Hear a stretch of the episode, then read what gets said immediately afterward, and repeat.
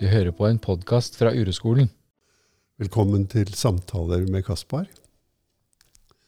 Og i dag til å samtale med meg har jeg Kristine Falk Pedersen, som har vært gjest her før. Det er en glede å ha deg med, Kristine. Velkommen. Tusen takk. Jeg syns det er lenge siden. Det er lenge siden. Ja. Vi måtte ut og kjøpe minnekort ved, Ja. for å klare å få gjort alvor av det.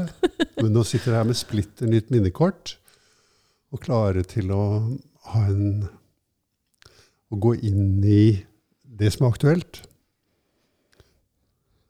Hva er det som er aktuelt, da?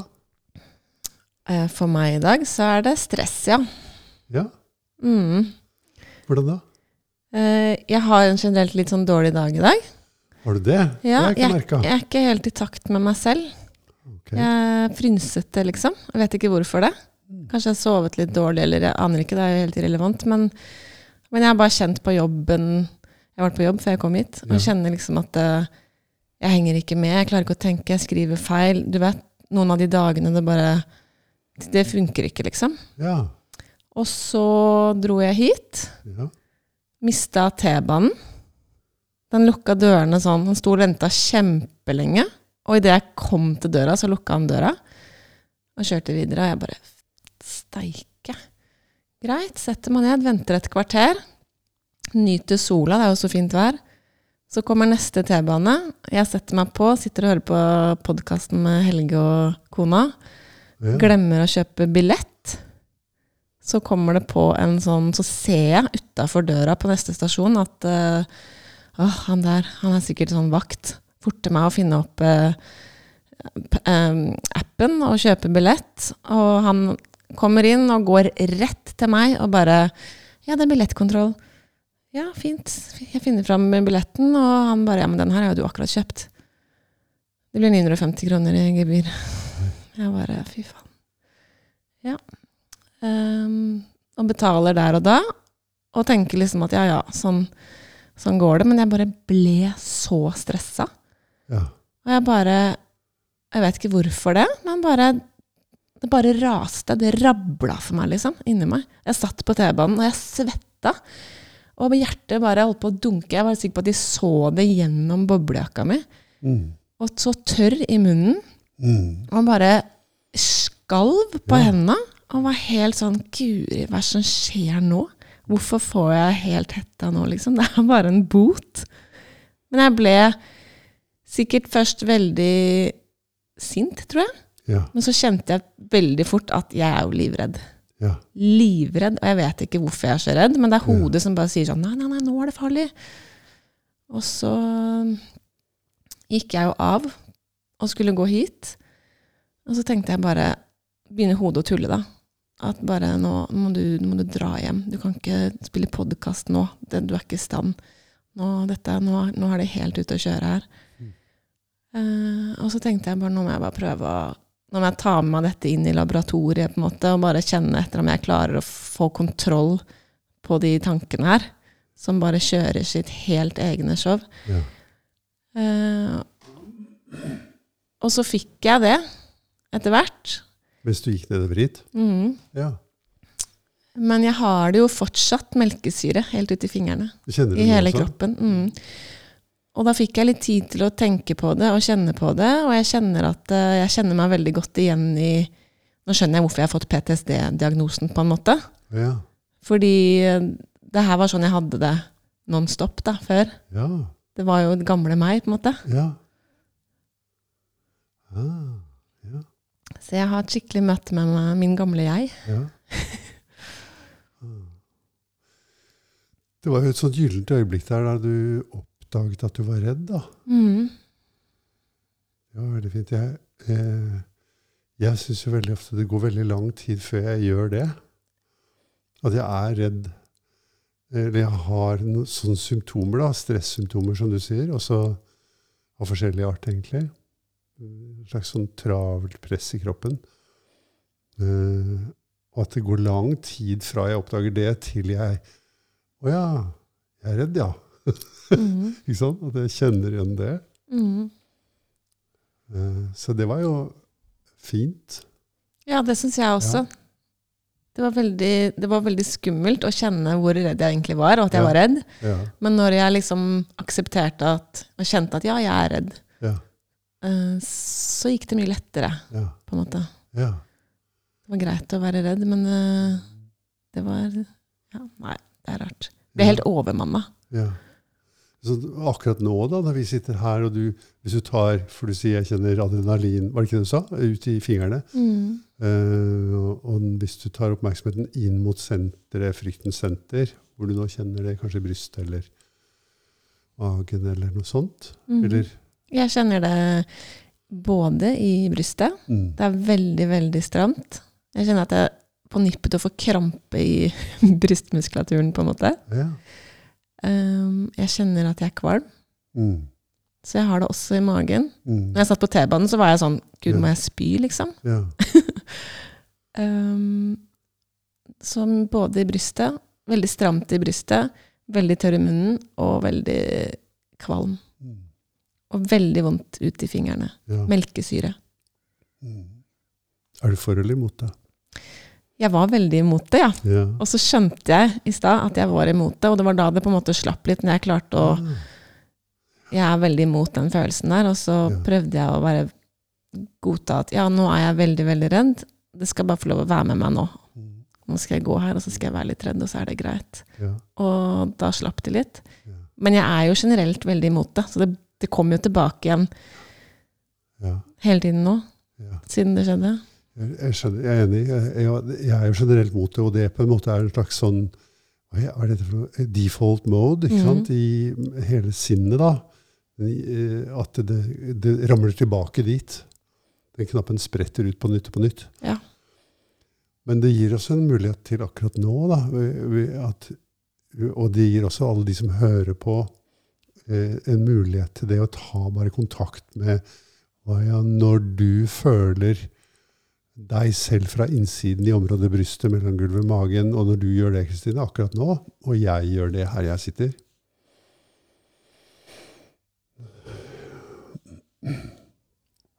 Og så si til det eh, Du skal få være her. Jeg kjenner deg nå. Du skal få være her hos meg. Jeg skal gjøre alt jeg kan for å gi plass til deg og tid til deg. Som om det var for deg, da, en liten pike. Mm. Eller for meg, en liten gutt som er redd. Eh, og som er i meg, selv om jeg er 72 år. Og det er jo ingen person, men det er en bestemt tilstand i nervesystemet. Og når vi snakker til den tilstanden og sier til den Du skal få være her. Jeg skal gjøre alt jeg kan for å la deg få plass hos meg. Ta meg tid til deg. Være oppmerksom på deg. Tillate deg. Det jeg liker veldig godt å gjøre, er Det er at jeg ser om det er mulig at egentlig ikke Jeg puster ikke inn i den følelsen, men jeg lar pusten komme frem til den følelsen. Pusten bare går sin vanlige måte, da. Og så lar jeg pusten komme frem til det, og så sier jeg til pusten du kan få være sånn som du er. Og følelsen eller tilstanden i kroppen du kan få være sånn som du er. Jeg skal være her med deg mens du er sånn som du er. Og alle de som hører på, kan også gjøre det helt uavhengig av hva man Kanskje noen av de som hører på, er helt rolige og har det helt De kjenner ikke at det er noe alarm eller noe ubehag, men man kan gjøre det som en øvelse.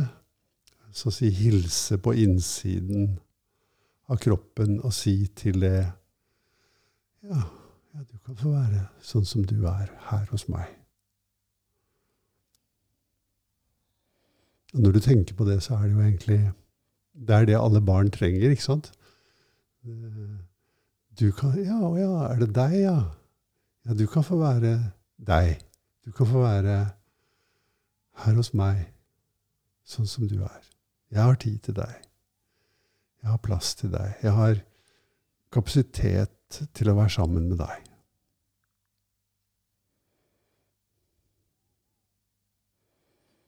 Og alle barn opplever at voksne ikke har det. Og det er normal erfaring for barn. At den evnen hos deg for dine barn, og den evnen hos meg for mine barn, eller for min hund eller for min kone, den er veldig varierende. Mange mange ganger så har jeg ikke den kapasiteten i noe særlig grad. da. Det er godt å høre. Ja. Men at vi kan øve oss på å ha det, og ta den lille pausen.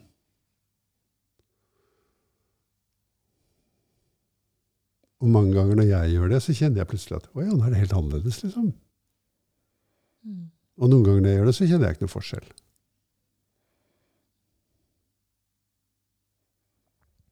Men det er litt det der med uh, Det er en form for agendaløshet. At man ikke har noen agenda. Men da sier man vi blir her sammen. Istedenfor ja, nå må du bli rolig, da. Ja, men hvis jeg er sammen med deg, så må jo du Det jeg skal få, det er at du blir rolig, liksom. Mm.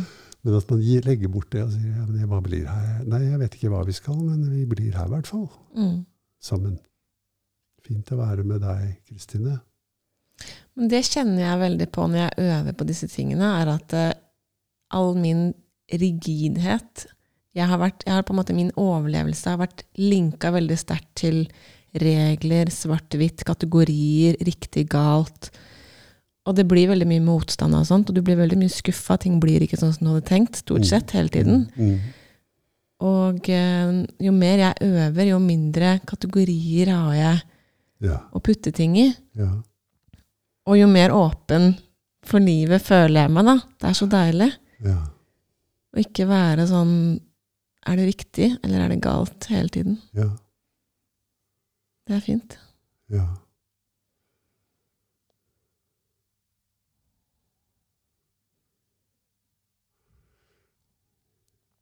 Ja, det er enormt automatisk. Det der med um, At det ligger et slags sånn sammenligningsgrunnlag inni oss som forteller oss hvordan ting skal være. Og finner veldig raskt den uh, At her er det noe som mangler, eller her er det for mye av noe, eller noe sånt. Ja, det er stort sett feil. Ja, det Et er feil. Her er det feil, altså. Mm. Det er jo ikke du bare som har Når du snakker om din rigiditet, så er jo det noe som vi som kjennetegner samfunnet også. Det kjennetegner et samfunn, ikke sant? et stort samfunn. Rigiditet. Mm. Ikke sant? Det og det og det og det har plass, og det og det og det har ikke plass. Mm. Det og det er ok, det og det er, den og den typen atferd er ok, den og den er det ikke. Mm. Så den rigiditeten den er både i oss, hvert enkelt individ, og i samfunnet. hva? Mm. Ja, veldig. Jeg syns jo Jo mer jeg på en måte har lært om det selv, jo mer tydelig ser jeg det rundt meg. da. Mm. Føles som at hele menneskeheten klamrer seg til eh, noe regelopplegg. Det er jo kanskje sånn også, jeg, jeg tenker meg det sånn at ja, men vi kommer ikke utenom det. Eh, når vi skal leve sammen, så er vi helt avhengig av å ha noen rammer. Og de rammene kan være forskjellige, men rammer må det være. Og det å bli tilpassa til de rammene, det gjør Det skaper den der frykten for at jeg har gjort noe feil, så må jeg få på trikken hvis jeg sitter og har vært litt for sen med å bestille, kjøpe billetten. da. Ikke sant? Eh, Eller hva, og det kan jo være hva som helst. Ja, virkelig hva som Ja. helst. Åh, nå så jeg teit ut når jeg gikk på gata, ikke sant? Ja. Oh, Mm. kanskje noen så meg, at jeg måpte, eller at jeg snubla, eller Mm. Ja. Men jeg tenker jo at de rammene vi de, de rammene vi lager i samfunnet Det er ganske stor forskjell på om man setter rammer fra et rolig sted, eller om man setter rammer Mm. og regler fra et stressa sted. ja. Det Om det er fornuftig eller ikke. Om du i hvilken stor, eller hvilken grad eh, rammene styrer mennesket, eller omvendt, da. Ja. Jeg tenker hvis det var sånn at mennesket styrte rammene og kunne stille spørsmål ved rammene. Ja. Ja. For eksempel um, For tiden er jeg veldig opptatt av å lage podkaster om såkalte spiseforstyrrelser. Og det er jo eksempler på rammer. Mm. At vi har kategorisert eh, visse typer atferd som syk. Mm. Mm. Og visse typer atferd som frisk. Um, og at etter hvert så er det rammene som styrer menneskene, ikke menneskene som styrer rammene. Så det var veldig fint sagt, syns jeg, når du sa det sånn. Ja, men er det vi som styrer disse rammene, når det blir slik at halve befolkningen har mentale lidelser, liksom? Ja. Urovekkende, egentlig. ja, det er helt perfekt. Ja. Ja, det er urovekkende. At det er blitt sånn, da. Mm. Har du noe erfaring med det, eller med spiseforstyrrelser? eller noe sånt? Alle mennesker, Egentlig så er det et teit spørsmål, fordi alle mennesker har erfaring med spiseforstyrrelser. Ikke andres spiseforstyrrelser, men sine egne. Ja. Fordi spising er så veldig nært forbundet med følelseslivet vårt. Eh, Det er sånn at menneskene Det første som skjer i et menneskes liv, er at de blir trøstet med mat. ja. Og jeg tenker også at det er ganske nært Altså, hvor går grensen mellom en spiseforstyrrelse og en drikkeforstyrrelse? Ja. Er det noen grense Er det noe Nei. Det går jo ut på akkurat det samme. Ja. Ja. Og jeg har jo Jeg har vokst opp med to foreldre som har uh, Moren min har vært spiseforstyrret Ja. og drikkeforstyrret, på en måte. Ja. ja. Fint. Ja. Og pappaen min var veldig drikkeforstyrra. Ja. Han døde av det. ja. Um, så jeg har vært veldig nært på det, og har jo liksom fått da diagnose selv, PTSD. Mm. Og har jo også kjenner at jeg har brukt uh, mye tid på mat, ja. I, Ja. I forskjellige former. Og da tenker du ikke på å lage mat? Eh, nei. Tenker på å spise mat. Ja. Det var veldig viktig for meg å spise mat. Jeg, jeg gikk rundt med Jeg spiste sinnssykt mye mat. Og jeg ser jo ut som en strek, og det har jeg alltid gjort. Heldigvis har jeg Ja. gode gener på en måte for det. Ellers hadde jeg uh, sett helt annerledes ut. Men jeg Mm. har brukt mat som beroligende. Mm. Jeg har gått rundt med matpakke i lomma Mm. hver gang. Uh, trodd at jeg dør hvis jeg kjenner sult. Ah, ja. Måtte Mm. er det bare stappe Ja. innpå, liksom. ja. Det var interessant. Kan vi stoppe litt der, da? Jeg trodde at jeg dør hvis jeg kjenner sult. Det, eh, det betyr eh, Jeg er redd for å kjenne sult. Det må jo bety det, da? Ja, ja, det, Ja. Jeg vet akkurat hva det betyr. Ja, fortell. Det er eh, en følelse Du kjenner at du rumler i magen. Det er en følelse i magen. En fysisk Du vet når du er veldig sulten. Ja.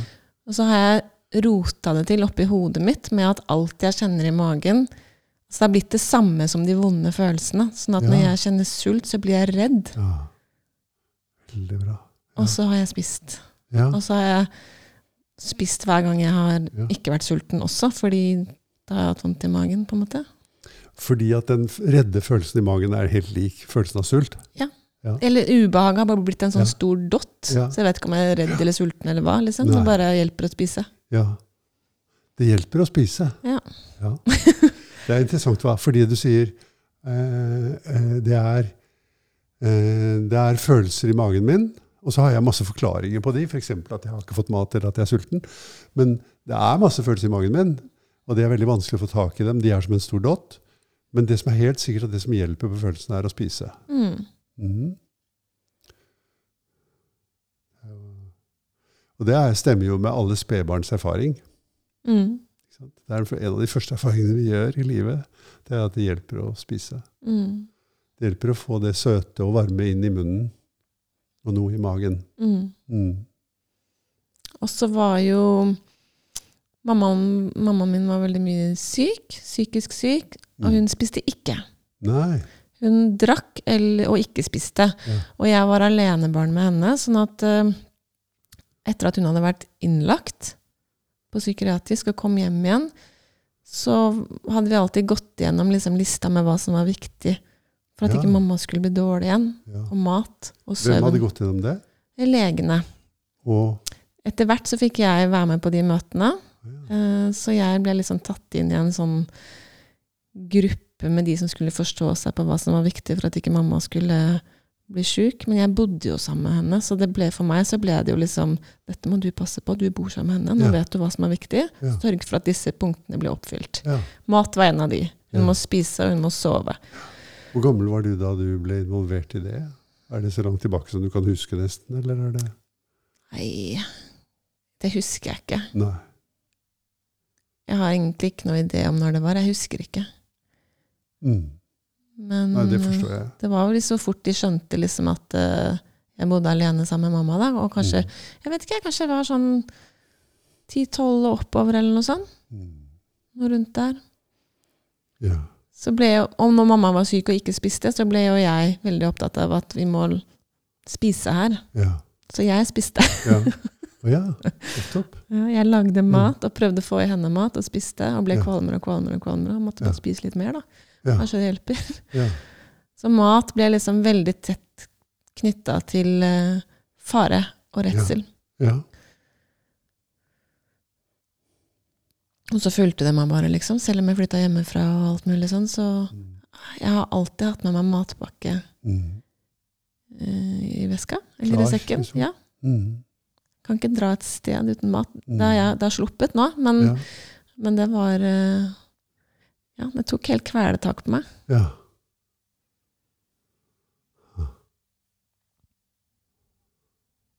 Og det blir jo en tvangstanke, på en måte. Det er, det er jo akkurat som en hvilken som helst annen tvangstanke. Det er hodet ditt som sier at nå er det veldig viktig at du spiser, så går det helt galt her. Nå må vi noen ting. Mm. Mm. Enten det er å vaske hendene eller å spise noe, eller Ja. be en bønn, eller hva det er, da. Ja. Mm. Og det er jo bare en idé. Det er ikke sant. Det er ikke en sann idé, men det er en idé som får veldig stor betydning i livet, da, så lenge man tror på den, og ikke vet at det er en idé. Eller en, en idé er en tanke, ikke sant? Jeg tror kanskje For meg så var det liksom den store oppdagelsen, var at jeg skjønte at det var en idé som bare var en idé. Det var ikke sannheten. Ja. Jeg trengte ikke å høre på det. Nei. Det gikk bra ut. det ble punktert nesten, da. Ja. Ja. ja.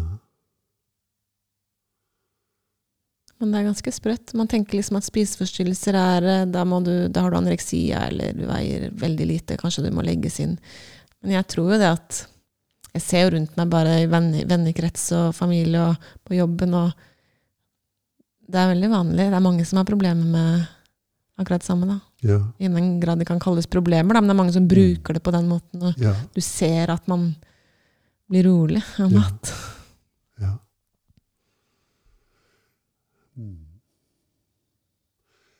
Det er vel også sånn at I hvert fall er det sånn for meg at når jeg putter noe i munnen, så fylles på en måte oppmerksomhetsfeltet mitt av det jeg putter i munnen. Eller det møtet mellom meg og det jeg putter i munnen.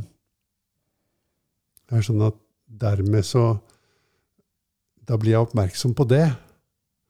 Og da er det jo noe annet som ikke får plass i det feltet, som jeg, ikke, som jeg slipper å være oppmerksom på. Dette her er jo Jeg kaller dette for uroperspektivet. da.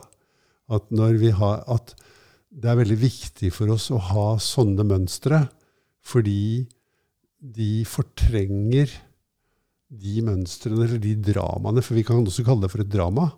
Og det dramaet omkring mat, og også alt det dramaet med å bli behandlet for det sånt, alt det fortrenger jo noe annet. Og i det du forteller, så kanskje du ser det at det fortrenger jo eh, hvordan er det å være Kristine når mamma er sånn som hun er, og betingelsene og omstendighetene er sånn som de er? Mm. Hvordan er det å være Kristine da? Mm, helt klart. For det som får oppmerksomhet, er jo å på en måte gjøre noen ting med betingelsene og omstendighetene. Med Mm. mamma, og med maten, og med sulten, og med uroen, og med alt det der. Og det, og det får, fyller hele feltet. Og spørsmålet men hva, hva, hva hvordan er det egentlig å være meg, når jeg, sånn som du fortalte i stad, når jeg, går ned, eller når jeg sitter på trikken eh, og kommer i kontakt med en intens, svettende angst. Hvordan er det å være meg og kunne møte det? Mm. Og det er ganske stor forskjell da, i, mellom de to tingene. og Hele tiden være på den tiltakssiden, eller på den løsningsorienterte siden. At la- lager, at man i livet alltid forsøker å løse det man står overfor, eller våger å føle hvordan er det meg når jeg lar det henge ned langs siden. Jeg, armen, jeg mener armene eh, og løsningene eh, være og isteden kjenner etter hva skjer med meg når virkeligheten er sånn som den er. Og, det, og lille Kristina hadde jo ikke lært det. Nei, ikke i det hele tatt. Og det var ingen som Altså, hadde noen sagt det der til meg da, Ja, så hadde det jo sikkert gått over mye fortere. Men det var jo Jeg vet ikke, jeg har bare ikke fått Det er ingen som kom med den ideen at jeg kunne tenke sånn. nei, At det fantes noe å forholde seg til som var en virkelighet. Det var Nei. liksom bare å overleve. ja, var bare en sånn her kavete ja, føre var-opplegg hele tiden. ja.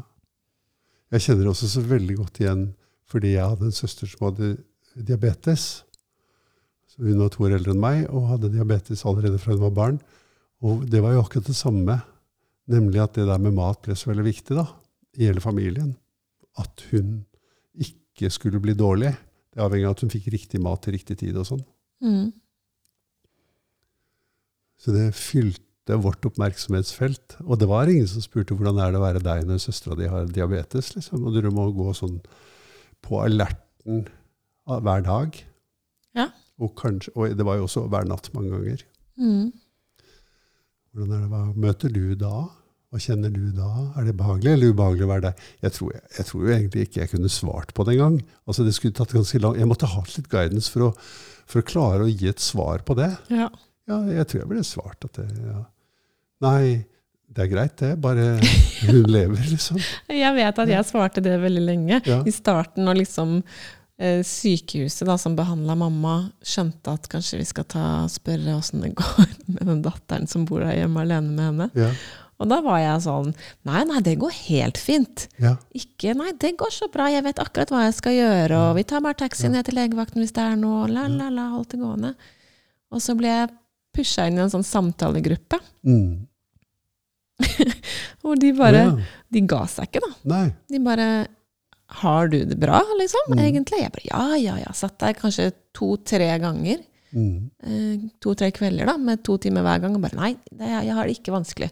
Ja, ja pappaen min eh, driver og dør, og mammaen min er skikkelig syk, men nei, det går fint. Altså, jeg var Garden var så Ja. bare låst, liksom. Ja. Og så knakk jeg jo til slutt. Men det, det, det satt langt inne å på en måte forholde seg til at det var noe annet enn det skallet man driver og Ja. lever bak, da. Det der er mm, Altså, jeg, jeg merker det, det kommer opp Ja, men For det er jo spørsmål jeg har fått veldig mange ganger, da. Men hvorfor skal man drive og grave i det? Eller hvorfor skal man gå Hvorfor skal man på døde liv uteske Kristine om hvordan hun har det i den situasjonen? Og det er, svaret på det er jo at det, det er fordi at det er til noe. Ja. At det er faktisk noe som vil hjelpe. Og det er at lille Kristine eller lille Kasper lærer å eh, håndtere sitt eget indre liv. Det er ikke noe mer mystisk enn det. Det er at her er det mange greier som går under radaren, og at hvis de ikke blir håndtert, så ligger de Det er det som heter å være, jeg tror det er det som heter å være emosjonsstyrt, egentlig. Nemlig at de der følelsene som ligger her i kroppen, de styrer hele livet vårt uten at vi vet at det er de som styrer. Isteden så ser det jo ut som vi opptrer ytterst rasjonelt. ja. Og plutselig en dag er man utbrent eller har vært utsatt for en ulykke. Eller noe sånt. Mm. Jeg husker en gang jeg midt på natten bar søstera mi ned i bilen. Foreldrene mine var ikke hjemme, og jeg var kanskje 18 år. eller noe sånt, og hadde akkurat fått lappen. Og vi hadde en sånn liten grønn, nei, blå folkevognboble. Søstera mi hadde fått et sånn insulinsjokk. Og så bar jeg henne ned i bilen. Og så kjørte jeg alt det jeg kunne inn til Bærum sjukehus. Eh, Og jeg jo, var jo ikke akkurat noen erfaren sjåfør, men jeg, bare, jeg bare kjørte alt jeg kunne i håp om å redde henne. ikke sant? Mm. Og jeg kan ikke huske at jeg var redd. Og jeg kan ikke huske at jeg eh, hadde noen følelser. Jeg kan bare huske at det, jeg, jeg kan ikke huske at det handlet om meg. Det handlet bare om henne. Mm. Ja, det kjenner jeg meg veldig i. Ja. Jeg kommer til å tenke på det nå når vi snakker om det. Det sånne sterke opplevelser som egentlig bare var en sånn hverdagslig Det var jo ganske hverdagslig ting, egentlig. Mm. Selv om akkurat det bare skjedde én gang. Ja. Ja. Jeg tror nok det er veldig riktig det du sier med emosjonsstyrt. Da. Det har jeg ikke tenkt Ja. på. Det var veldig fint forklart, det der med at man må lære seg å håndtere sitt indre liv. Eller oppdage at man har et indre liv først. Ja, først må man oppdage det. Ja, det tok meg noen og 40 år å begynne å oppdage litt grann av det. Ja. Ja. Og så kan man Ja, hva skal jeg bruke det til, liksom? Jeg hører det hver gang jeg snakker med nye mennesker som kommer til oss på uroskolen, så, eller til meg, da, eh, så spør jo folk ja, men hvorfor skal jeg gjøre det? ja. Ja, men hvorfor må jeg gjøre dette her? Vil ikke. Ja, men har jeg noen garanti for at det går bra? Ja, men vet du at dette her kommer til å funke? Liksom? Det er jo så ubehagelig. Mhm. Og så er jo svaret ja da. Ja, men det er til noe. Men vi trenger virkelig hjelp til det. Ja. Det er veldig vanskelig å se selv. Ja. Og den der bakgrunnen som du og jeg har, den dramatiske sykdomsbakgrunnen der, den er jo egentlig helt ideell for å lære noe om det. Det hadde jo vært superkult om de folka på sykehuset hadde sagt det, liksom. Hadde sagt Ja. eh, 'Å, hvordan går det med deg?' Eh, ja. Ja, kjenner du noe inni deg, liksom? Ja. Hvordan, eh, er det behagelig eller ubehagelig Ja. være deg? Ja. Men det er veldig vanskelig når man Mm.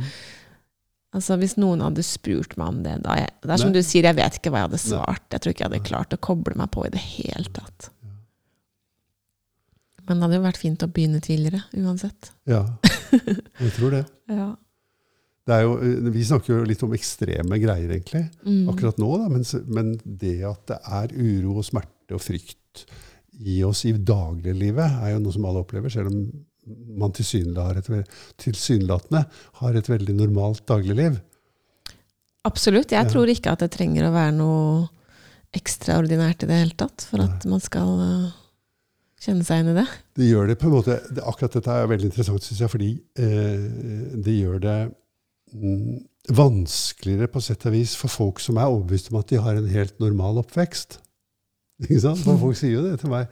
Det, noe, det skjedde ingenting, som jeg vet om, i hvert fall, i min oppvekst som var noe dramatisk. Jeg hadde det fint, jeg hadde gode foreldre og kom fra et bra, trygt hjem. Og, og det er jo sant, det.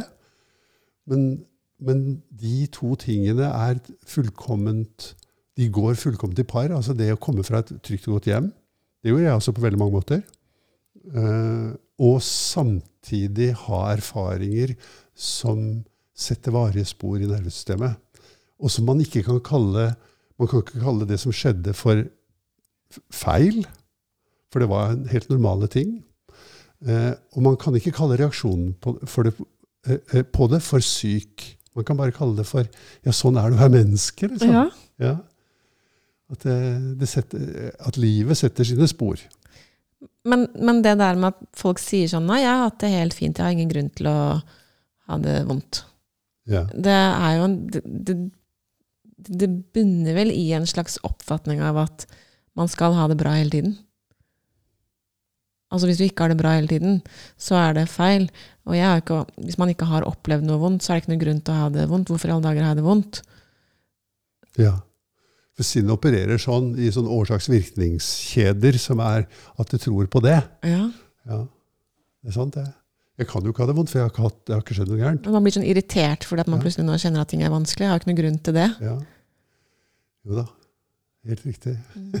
Ja. Ja. Og når man har vondt, så må det jo være fordi at det har skjedd noe gærent. Det er på, er akkurat på motsatt side, ikke sant? Eller parallellen, da. Ja. At eh, ja, men hvis jeg har vondt, så er det fordi det har skjedd noe gærent. Og ingen av delene er riktig. Ja. Mm. Sånn fungerer sinnet. Det er ikke rart man blir litt tussete. ja. Men hva tenker du om spise- og drikkeforstyrrelser på en måte sånn generelt? Hvorfor, hvorfor driver vi med det, liksom? Fordi det virker. Ja. Fordi det, eh, det tar bort det smertefulle fra oppmerksomheten. Det smertefulle som er helt sånn som vi møter i hverdagen vår.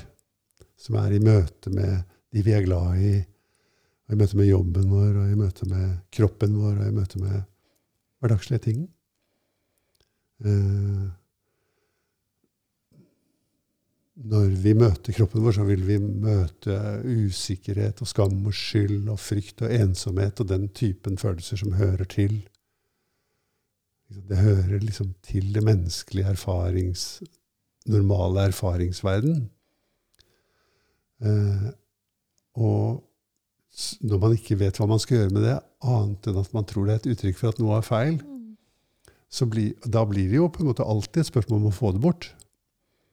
Og spise bisarr spiseatferd eller matatferd, overspising eller underspising eller oppkasting eller Jeg vet ikke hva det heter alt sammen. Eller drikking eller annen rusatferd.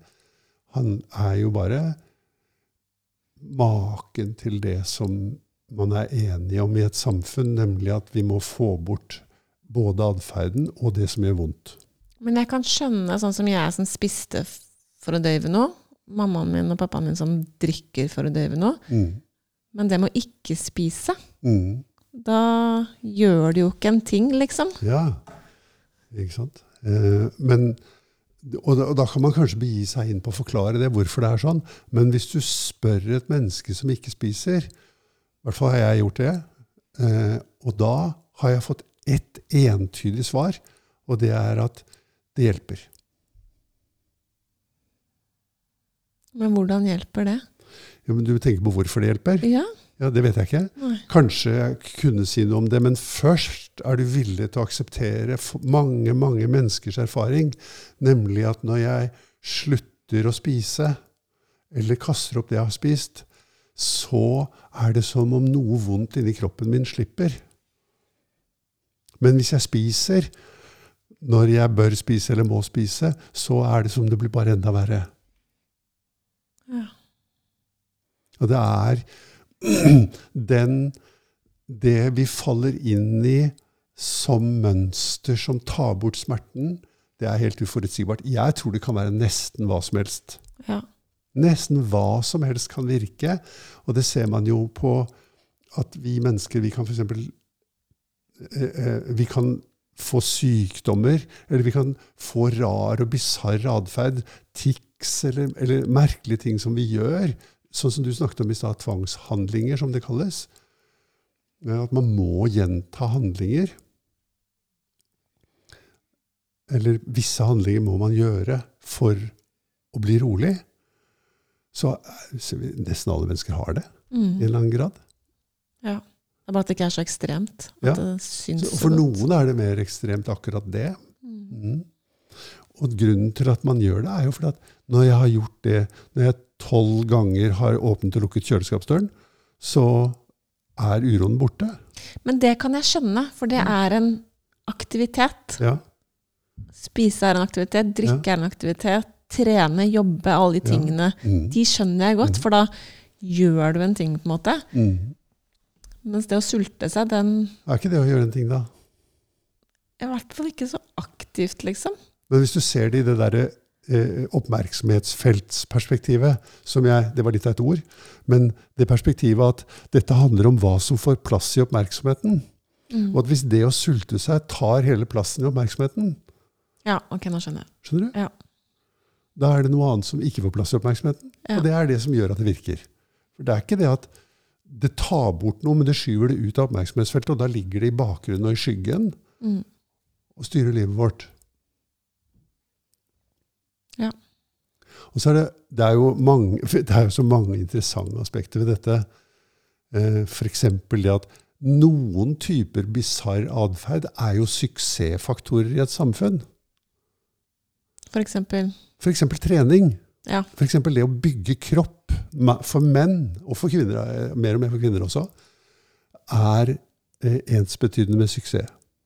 Å ha store muskler eller å kunne løpe Birken fort baklengs er noe som gir deg kred i samfunnet. Mm. Eller det å jobbe veldig mye og tjene veldig masse penger, er, det gir deg kred. Mm. Det gir deg tilgang på de mest attraktive vennene og de mest attraktive kvinnene eller mennene. Å ha en fin bil, ikke sant? Mm. Eller båt, eller fly, eller dress, eller klokke.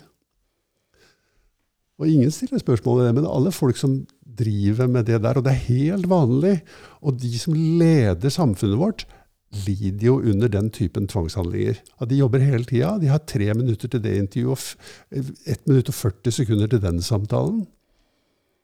Og ingen skjærer gjennom det og sier det er jo helt uhørt, for disse menneskene har jo ikke kontakt med noe annet enn klokka. Eller treningstabellen eller vekta som de veier maten på. Mm. Men alt det, det å være så effektiv, eller det å arbeide så mye, det har en funksjon, og den funksjonen er at man slipper å komme i kontakt med noen ting man er veldig rett for å komme i kontakt med. Og kanskje en, Jeg vet at en av de tingene som det er aller verst for oss moderne mennesker å komme i kontakt med, det er hjelpeløshet.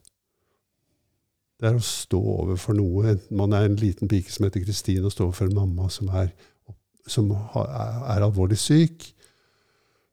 Um, eller Kaspar som står overfor en søster som er alvorlig syk.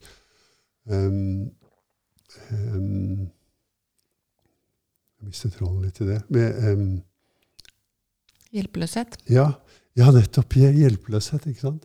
Den følelsen av hjelpeløshet som man har i kroppen sin, den står jo i veien for den effektive atferden. Det betyr jo at den følelsen ligger under og styrer den effektive atferden. Den blir så å si pre, veldig sterkt preget av fight, flight og freeze. Fight, flight eller freeze, mener jeg. De, disse overlevelsesmekanismene, og det ser man jo langt inne i politikken, at vi står overfor eksistensielle utfordringer som er dramatiske i vår tid, og hvor vi ikke gir oss tid til å kjenne hva er det egentlig Hvilke følelser er det i oss når vi menneskene er der hvor de er i verden, i livet, i sin utvikling som art? Svaret på det er jo at det er veldig, veldig ubehagelig. Det er veldig ubehagelig å være oss, og ingen skjønner at det har en verdi. At det er en port til noe nytt. Isteden hopper vi på løsninger, og du vet hva løsningen er for tiden? Det er å slå Russland, og så er det å bygge havvindmøller. Ja. Ja. Alle tror på det, liksom. Ja. Og hvis man trodde på det motsatte, så ville det være akkurat like tåpelig. da. Og Jeg mener ikke det er nedlatende, men jeg mener at det er vesentlige og utrolig betydningsfulle aspekter ved måten vi lever livet på, som er totalt eh, neglisjert eller uoppdaget. Og Det gjelder jo i stort, og det gjelder i smått. Det gjelder for denne lille gutten eller lille piken som lever i livet sitt så godt de kan, og som svelger følelsene og forsøker å gjøre det som er nødvendig å gjøre. Om nødvendig ofre livet sitt. Mm. Det er vilt. Ja, det er vilt. Life is wild. Ja. Ja, det er det. Det er så sprøtt at liksom så stor del av det å være menneske går helt under radaren for de fleste mennesker, når du tenker på det. Ja, men, jeg mener du får så lite ut av livet, liksom. Ja. ja, det er veldig sprøtt. Det går under radaren, eller forblir utenfor oppmerksomhetsfeltet. Ja, det er jo det det gjør, da, Ja. egentlig. Det er det samme. Mm. Enda så oppmerksomme vi er. Det er jo først, Jeg har jo blitt veldig gammel før jeg oppdaget dette her. Altså Veldig gammel er jeg jo ikke, men jeg er jo relativt årskommen. For jeg har også brukt mesteparten av livet mitt på å prøve å holde visse ting utenfor oppmerksomhetsfeltet. Og når de kom inn i oppmerksomhetsfeltet, så tenkte jeg jo alltid at det var noe galt. Mm. Og at jeg måtte bli bedre til, bedre som menneske. Mm. Slik at dette ubehaget, denne uroen eller denne smerten kunne ikke styre meg da. Ikke forstyrre meg. Gjør du det fortsatt? Om det forstyrrer meg? Ja, eller gjør du fortsatt, prøver du fortsatt å Strever du fortsatt med dette? Eller Det, jeg tror at det kommer til å være en utfordring hele livet. Ja. At det er en menneskelig utfordring. Men, men det hjelper på en måte ikke å um, hoppe bukk over det. For det er så å si Betingelsen for å være menneske er dette. At vi har dette uronivået inni oss Mm. som er med oss enten vi vil eller ikke, og som vi alltid må gi plass. Og den gode nyheten er jo at når vi lærer oss å håndtere det, så vil vi utvikle oss. Så vil vi vokse. Vi vil få tilgang til noe som ikke vi hadde tilgang til før. Og det vi får tilgang til, det er det vi trenger for å kunne skape et liv for oss selv og alt det som fins, som er Kanskje man kunne kalle det bærekraftig. Mm. Det bare er så utrolig vanskelig å se sine egne mønstre og strategier. Altså Ja. irriterende vanskelig. ja. Jeg føler liksom at jeg levler. Jeg føler at jeg begynner å få kål på det. Og så, Ja. så kjenner jeg jo plutselig at eh, nei. Det går veldig sånn opp og ned. Og så er jeg redd for at jeg ikke skal oppdage nye strategier som jeg lager meg. Skjønner du hva jeg mener? Jeg er liksom blitt veldig god på de gode, gamle strategiene, men tenk om jeg lager meg nye da, som jeg ikke oppdager. Men hvis vi aldri kommer i mål Vi kan jo si at man kommer jo aldri i mål med dette, og kanskje det er sånn at man lager nye strategier også. Men uansett er det jo morsomt å leve sånn. Altså spennende å leve sånn, da. Ja. Eh, Og utvidende og berikende. Ja, det er enig. Eh, og, så, og det er det som gjør at jeg er interessert i det, eller som gjør at jeg holder på med dette. At jeg syns at det, livet mitt blir så rikt av det. Ja. I møte med deg, og i møte med meg selv, og i møte med naturen. Og, Ja. og så Det kan jo være at vi dør alle sammen en dag nokså snart. Eller ikke, liksom. Ja. For meg så er det av underordnet betydning. Men noe av det deiligste ved at man liksom øver litt på disse tingene, er at man ikke er så Jeg, jeg føler meg ikke så redd lenger. Sånn grunnleggende redd Ja, som jeg var. Ja. Jeg har bare fått litt mer sånn ro. ja, Altså, det skjer jo masse ting fremdeles. ja. Ref eh, boten på trikken i dag, liksom. Men, og jeg er redd, men jeg er ikke sånn redd. Nei, Jeg er ikke redd for å være redd. du tåler det, da. ja. Du tålte det til og med på trikken. Mm. Ja. Når du, og når du kjenner på kroppen din akkurat nå ikke sant? Nå er klokka jeg vet ikke, halv fire eller noe sånt, og du kjenner på din kropp nå, hvordan er det nå? liksom? Du husker jo hvordan det var da med svette og prikking, og, og hvordan er det nå? Er det en dårlig eller en god dag, eller er det ok? Kan du tåle det? Absolutt tåle det. ja. Ja. Jeg syns jo dagen ble mye bedre etter at det skjedde. ja. Det var akkurat som jeg liksom ja. jeg vet ikke, den åpna en dør, eller Ja. Skjønner du? ja. Akkurat som noe hadde gått litt sånn i stampe Herlig. Før det skjedde, og så Ja. toppa det seg helt. Tok høl på det. bare, Ja, litt sånn. Tok høl. Ja. Det var deilig. Så fint. Det, det var spennende. Det var hyggelig å ha deg her, Kristine. Vi, vi, må fortsatt, vi, kan, vi må fortsette å møtes på denne måten. Ja, hyggelig. Ja. Takk for i dag. Takk for i dag. Hvis det er noen som har hørt på dette, hvis du som har hørt på det, er interessert i å lære mer, så kan du gå inn på uroskolen.no og eh, lese om bloggene, og du kan høre på podkastene, og du kan eh, være med på ting vi finner på. Turer, eller du kan snakke med en urolærer, eller være med på kurs. Håper å se deg der.